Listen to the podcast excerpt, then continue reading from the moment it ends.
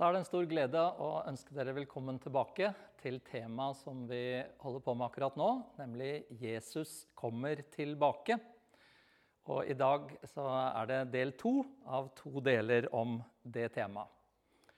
Utgangspunktet vårt har vært eh, skriftstedet i Apostlenes gjerninger kapittel 1, som forteller om Jesu himmelfart. Og Der er det to engler som sier til disiplene etter at Jesus har dratt opp denne Jesus som ble tatt bort fra dere opp til himmelen, han skal komme igjen på samme måte som dere har sett ham fare opp til himmelen. Jesus kommer tilbake. Det er et budskap både om håp og forventning som eh, vi er glad for å kunne dele sammen. Det vi også snakket litt om sist, det er at Jesus kommer tilbake både som brudgom og som konge. Og Vi snakket da sist om at Jesus kommer tilbake som brudgom.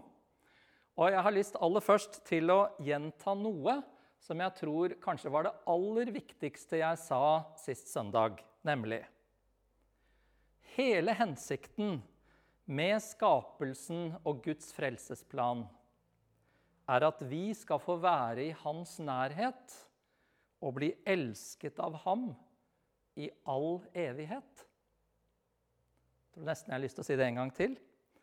Hele hensikten med skapelsen og Guds frelsesplan er at vi skal få være i hans nærhet og bli elsket av ham i all evighet. Jesus har dratt til himmelen for å gjøre i stand et sted for oss, og han lengter etter å hente oss slik at vi kan være sammen som brud og brudgom.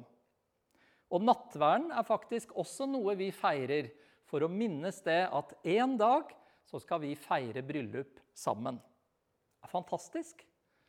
Og la meg spørre med en gang lengter du etter å være sammen med Jesus? Han lengter nemlig etter å være sammen med oss. Og så er det altså sånn at Grunnen til at vi snakker om dette, at Jesus kommer tilbake som i to etapper, eller som to begivenheter, så er det fordi Bibelen beskriver disse to begivenhetene på veldig forskjellig måte. Den første, som vi snakket om forrige gang, det er at han kommer som en tyv om natten. Som en brudgom som kommer plutselig. Og I dag skal vi altså snakke om at han kommer med stor makt og herlighet. Han kommer tilbake som konge. En konge som alle skal se.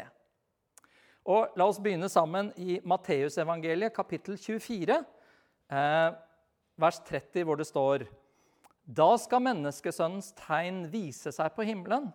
Da skal alle folkeslag på jorden bryte ut i klagerop, og de skal se menneskesønnen komme på himmelens skyer med stor makt og herlighet. Så det første jeg har lyst til å si litt mer om i dag, det er at Jesus Kristus faktisk er en mektig konge. Ehm, du er kanskje vant til å tenke på Jesus først og fremst som frelser og en ydmyk tjener, og det er han. Ehm, men Bibelen beskriver ham også som kongenes konge og herrenes herre.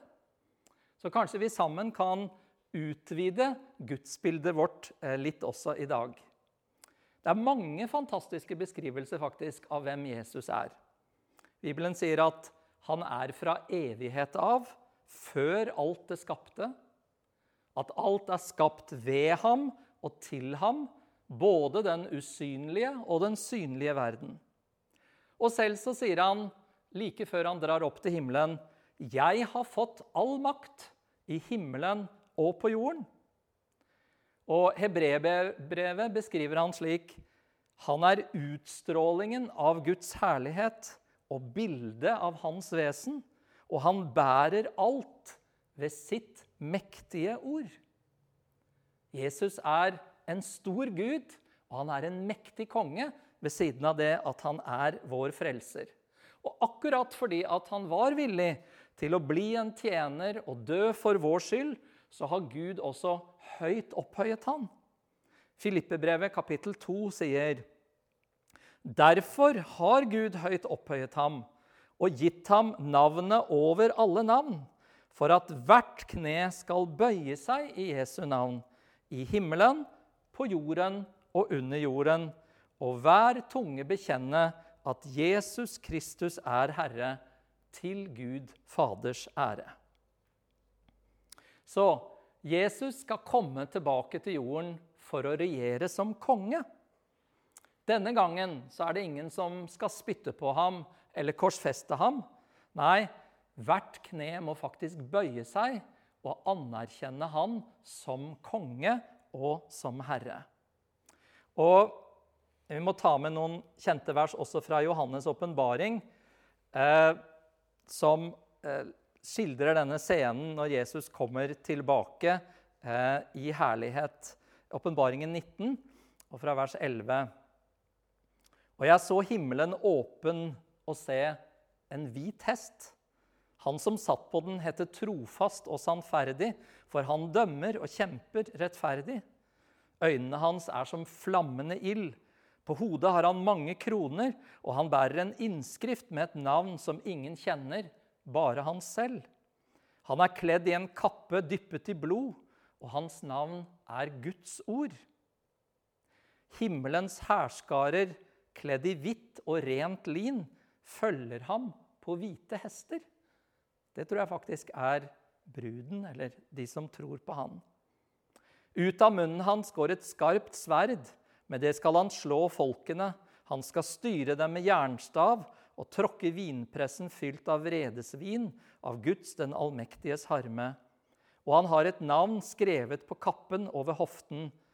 Kongenes konge og herrenes herre. Jesus kommer tilbake som konge. Og Så bruker Bibelen også et annet uttrykk på denne begivenheten. Og for så vidt det som eh, foregår i nærheten eller i tilknytning til den. Og det er Herrens dag. Og Jeg liker å tenke på det uttrykket 'Herrens dag' som dagen når Gud griper inn. Eh, både til dom og til frelse, faktisk. Og det er jo mange i dag som spør seg hvorfor griper ikke Gud inn? Hvorfor stanser ikke Gud ondskapen og all uretten i verden? Og Bibelen gir flere svar på det. Dels at Gud har gitt menneskene ansvaret for jorda for en bestemt tid. Og dels at Gud allerede har grepet inn ved å sende Jesus første gang. Gjennom Jesus så er det mulig faktisk å ta imot hans kraft og hans kjærlighet, sånn at du og jeg kan være med og gjøre denne verden til et bedre sted å leve. Vi kan spre hans liv, hans kjærlighet, til mennesker rundt oss. Men så er det også et poeng faktisk, at Gud venter tålmodig på at så mange som mulig ønsker å ta imot hans tilbud om frelse og det å bli hans brud. Du skjønner, Jesus han vil hente en brud som ønsker å være sammen med han. Det er på en måte litt eh, dumt, er det ikke det, med sånn tvangsekteskap, om Gud skulle tvinge oss til å være sammen med han i all evighet. Nei, han lar oss velge, og vi har en mulighet til å si ja til han. Vi har fått fri vilje, og vi kan velge å tro på evangeliet og ta imot hans tilbud. Men så kommer det altså en dag, og Bibelen kaller den for Herrens dag, når menneskenes tid er ute. Og da bør vi også, tror jeg, ha kommet til et punkt hvor alle ser også det kaoset vi har skapt her i verden, med vår egoisme, med vår grådighet og med vår hardhet. Og alle de som tenkte at alt ville bli så mye bedre hvis vi vendte Gud ryggen, hvis vi på en måte velger vår egen vei, velger vår egen måte å gjøre ting på. Og så er det kanskje, vil det vise seg, akkurat det som gjør at verden har gått sånn av hengslene. Det at vi ikke lenger har Guds kjærlighet og Guds drivkraft eh, i våre liv. Og da er Bibelen tydelig på at Gud vil dømme ondskapen en dag. Han vil binde og uskadeliggjøre djevelen. Og så vil han opprette sitt rike med fred, med glede, med rettferdighet. Og der skal Jesus være konge og regjere i tusen år. Og la meg forsikre deg om i det riket så vil det verken være sult eller fattigdom, urettferdighet, rasisme eller noe annet som vi kjenner på er et sånt problem i verden i dag. På Herrens dag, når Gud griper inn.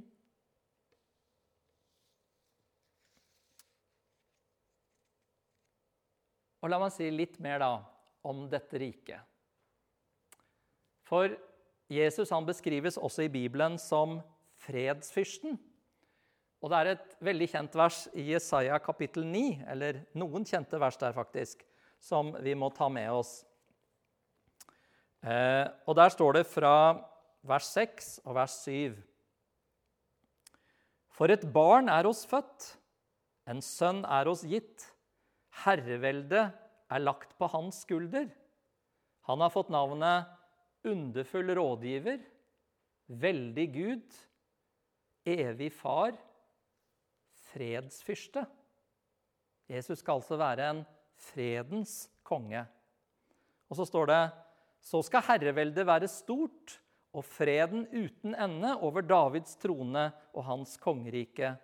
Han skal gjøre det fast og holde det oppe ved rett og rettferdighet fra nå og for alltid. Eh, særlig første del av dette verset leser vi gjerne i forbindelse med jul. ikke sant? Et barn er oss født, en sønn er oss gitt.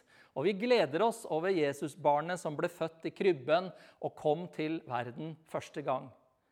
Men så ser dere av det vi leser videre her, at han forblir ikke det lille barnet. Han skal komme tilbake som fredsfyrste, som konge. Ja, han skal faktisk innta igjen Davids trone og Bibelen forteller regjere ut fra Jerusalem. Derfor er også alt som skjer i Israel, eh, og det at eh, jødene har vendt tilbake til landet sitt, et stort tegn også på det at vi nærmer oss det at Jesus kommer tilbake. Det jeg også syns er fantastisk å tenke på, det er at alle profetiene i Det gamle testamentet som taler om at Jesus kommer tilbake, de skal faktisk gå i oppfyllelse. Og de vil gå i oppfyllelse like bokstavelig som profetiene om Jesu første komme gjorde det. Det var forutsagt av mange profeter i Det gamle testamentet eh, at denne frelserkongen skulle komme. Men problemet var at mange jøder på den tiden de forsto ikke dette når Jesus kom med et åndelig og usynlig rike. De ventet på dette fredsriket som jeg snakker om nå. Og det Bibelen da sier, er at det kommer også. Det er det som kommer nå. Jesus kom første gang for å invitere oss inn i hans åndelige rike, altså til å bli hans brud. Men så skal han komme tilbake igjen for å opprette sitt rike eh, en en dag. Det skal bli en bokstavelig oppfyllelse av profetiene, akkurat slik det ble ved Jesu første komme. Og Peter han sier litt om dette i apostelgjerningene kapittel 3, når han forkynner om hvordan Jesus var kommet første gang og forklarte begivenhetene rundt det, og hvordan han er død for våre synder. Og så sier han da skal det komme tider med lindring fra Herren, og han skal sende den Messias som er bestemt for dere, Jesus. Han må være i himmelen til tiden kommer da alt det blir gjenopprettet som Gud har talt om fra eldgamle dager ved sine hellige profeters munn. Og Vi skjønner at Peter snakker ikke her om Jesu første komme, for Jesus hadde jo akkurat dratt opp til himmelen. Så Derfor forklarer han det at nå må Jesus være i himmelen til den tiden kommer da han skal komme tilbake og gjenopprette alle de tingene som profetene har talt om i Bibelen. Det er det, mine venner, som vi venter på nå. Og det er noen fantastiske profetier. Nå har vi ikke så god tid, eller så mange de flere deler. Vi, vi skal avslutte denne serien i dag. Så jeg kan bare nevne liksom stikkordsvis for deg noen av de tingene som profetene snakker om for dette riket. Men stikkordet er det vi leste akkurat her, at alle ting skal gjenopprettes. Eh, noe av det som gjenopprettes, er f.eks. skaperverket. Eh, Bibelen forteller videre her i kapittel 11 for eksempel, i Jesaja at eh, løven og lammet de skal beite sammen. Babyen og hoggormen de skal kunne leke. Det skal være fred og harmoni i skaperverket. Klimakrisen som vi opplever nå, og som vi ikke vet helt hvordan vi skal løse, alt det vil bli gjenopprettet, og det vil bli perfekt. Vi leste om han vil gjenopprette riket for Israel. Den planen som han har hatt fra evighet av, skal gå i oppfyllelse også med det folket. Og ikke minst dette som jeg har vært innom et par ganger. Det skal være fred, og det skal være rettferdighet. Ingen urett, ingen undertrykking, ikke noe sånt mer. Og Jesaja 9 var det jeg mente i stad, men det er i vers 10 og 11 så står det Ingen skal skade eller ødelegge noe på mitt hellige fjell. For landet er fylt av kjennskap til Herren, slik vannet dekker havbunnen.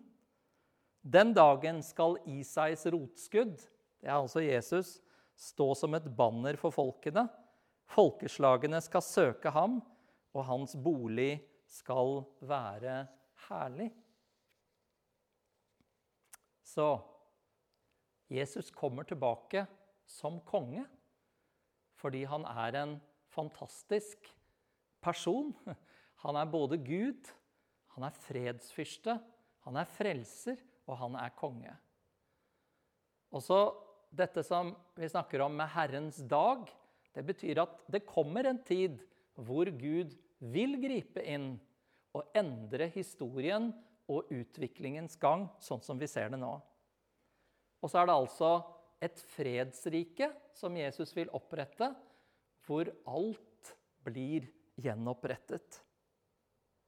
Og da er vi litt tilbake der hvor vi begynte forrige søndag.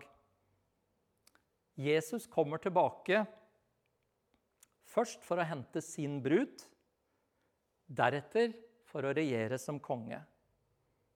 Begge deler taler om både håp og frelse. Men Jesus vil også dømme verden, djevelen og menneskene for deres ondskap. Først når han oppretter sitt rike, som vi har snakket om nå, og deretter en gang innenfor Guds trone, når Gud skaper en ny himmel og en ny jord, før han gjør det. Det er nemlig sånn at vi alle skal stå til regnskap en gang for livene våre. Men så jeg gjerne får avslutte også med dette. Da Jesus kom første gangen, så gjorde han det for å ta på seg både straffen og dommen for oss, sånn at vi kunne få evig liv. Og de veldig kjente versene i Johannes 3, fra vers 16 La oss, la oss lese det sammen, for det oppsummerer på mange måter alt det vi har snakket om. For så høyt har Gud elsket verden, at han ga sin sønn den enbårne, for at hver den som tror på ham, ikke skal gå fortapt, men ha evig liv. Gud sendte ikke sin sønn til verden for å dømme verden, men for at verden skulle bli frelst ved ham. Og hør den som tror på ham, blir ikke dømt. De gode nyhetene er at Jesus allerede har gjort opp regnskap for våre liv sånn at vi kan få være sammen med Han på tross av vår tilkortkommenhet og våre synder. Og så, når Gud skaper en ny himmel og en ny jord, så oppfylles virkelig dette. om at vi skal få lov å være sammen med Gud for all evighet. Og Jeg har lyst til å avslutte med versene fra Johannes' åpenbaring, kapittel 21. Det er det nest siste kapittelet i Bibelen som gir en sånn fantastisk beskrivelse, syns jeg, av hvordan det blir når Gud igjen skal bo sammen med menneskene, sånn som i paradis, sånn som i begynnelsen av Bibelen. Da er ringen sluttet. Da er hensikten fullført. Hør hva Bibelen sier. Se, Guds bolig er hos menneskene. Han skal bo hos dem, og de skal være hans folk. Og Gud selv skal være hos dem. Han skal være deres Gud. Han skal tørke bort hver tåre fra deres øyne, og døden skal ikke være mer. Heller ikke sorg eller skrik eller smerte, for det som en gang var, er borte.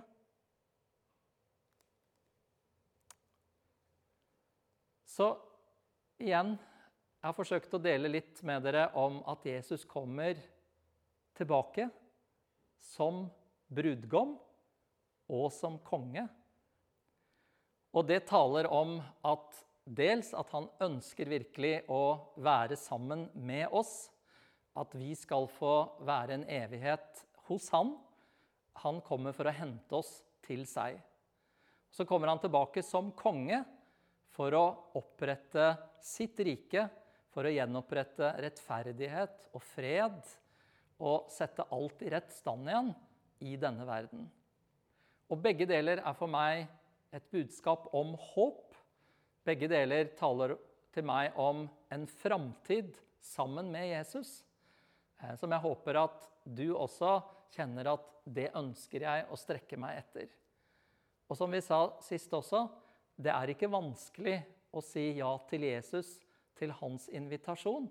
Det er faktisk bare å åpne hjertet sitt og si, 'Jesus, jeg vil være sammen med deg. Skal vi be sammen? Jesus, jeg takker deg for at du har framtid og håp for oss. Takk også for at du har gjort alt ferdig, for at vi både kan være med deg til bryllup, og at vi kan få være med deg i ditt rike, hvor det er fred og rettferdighet. Takk også for din plan om en dag å skape en ny himmel og en ny jord, hvor aldri vi vil møte mer ondskap og problemer. Jesus, jeg har bare lyst til å takke for din kjærlighet.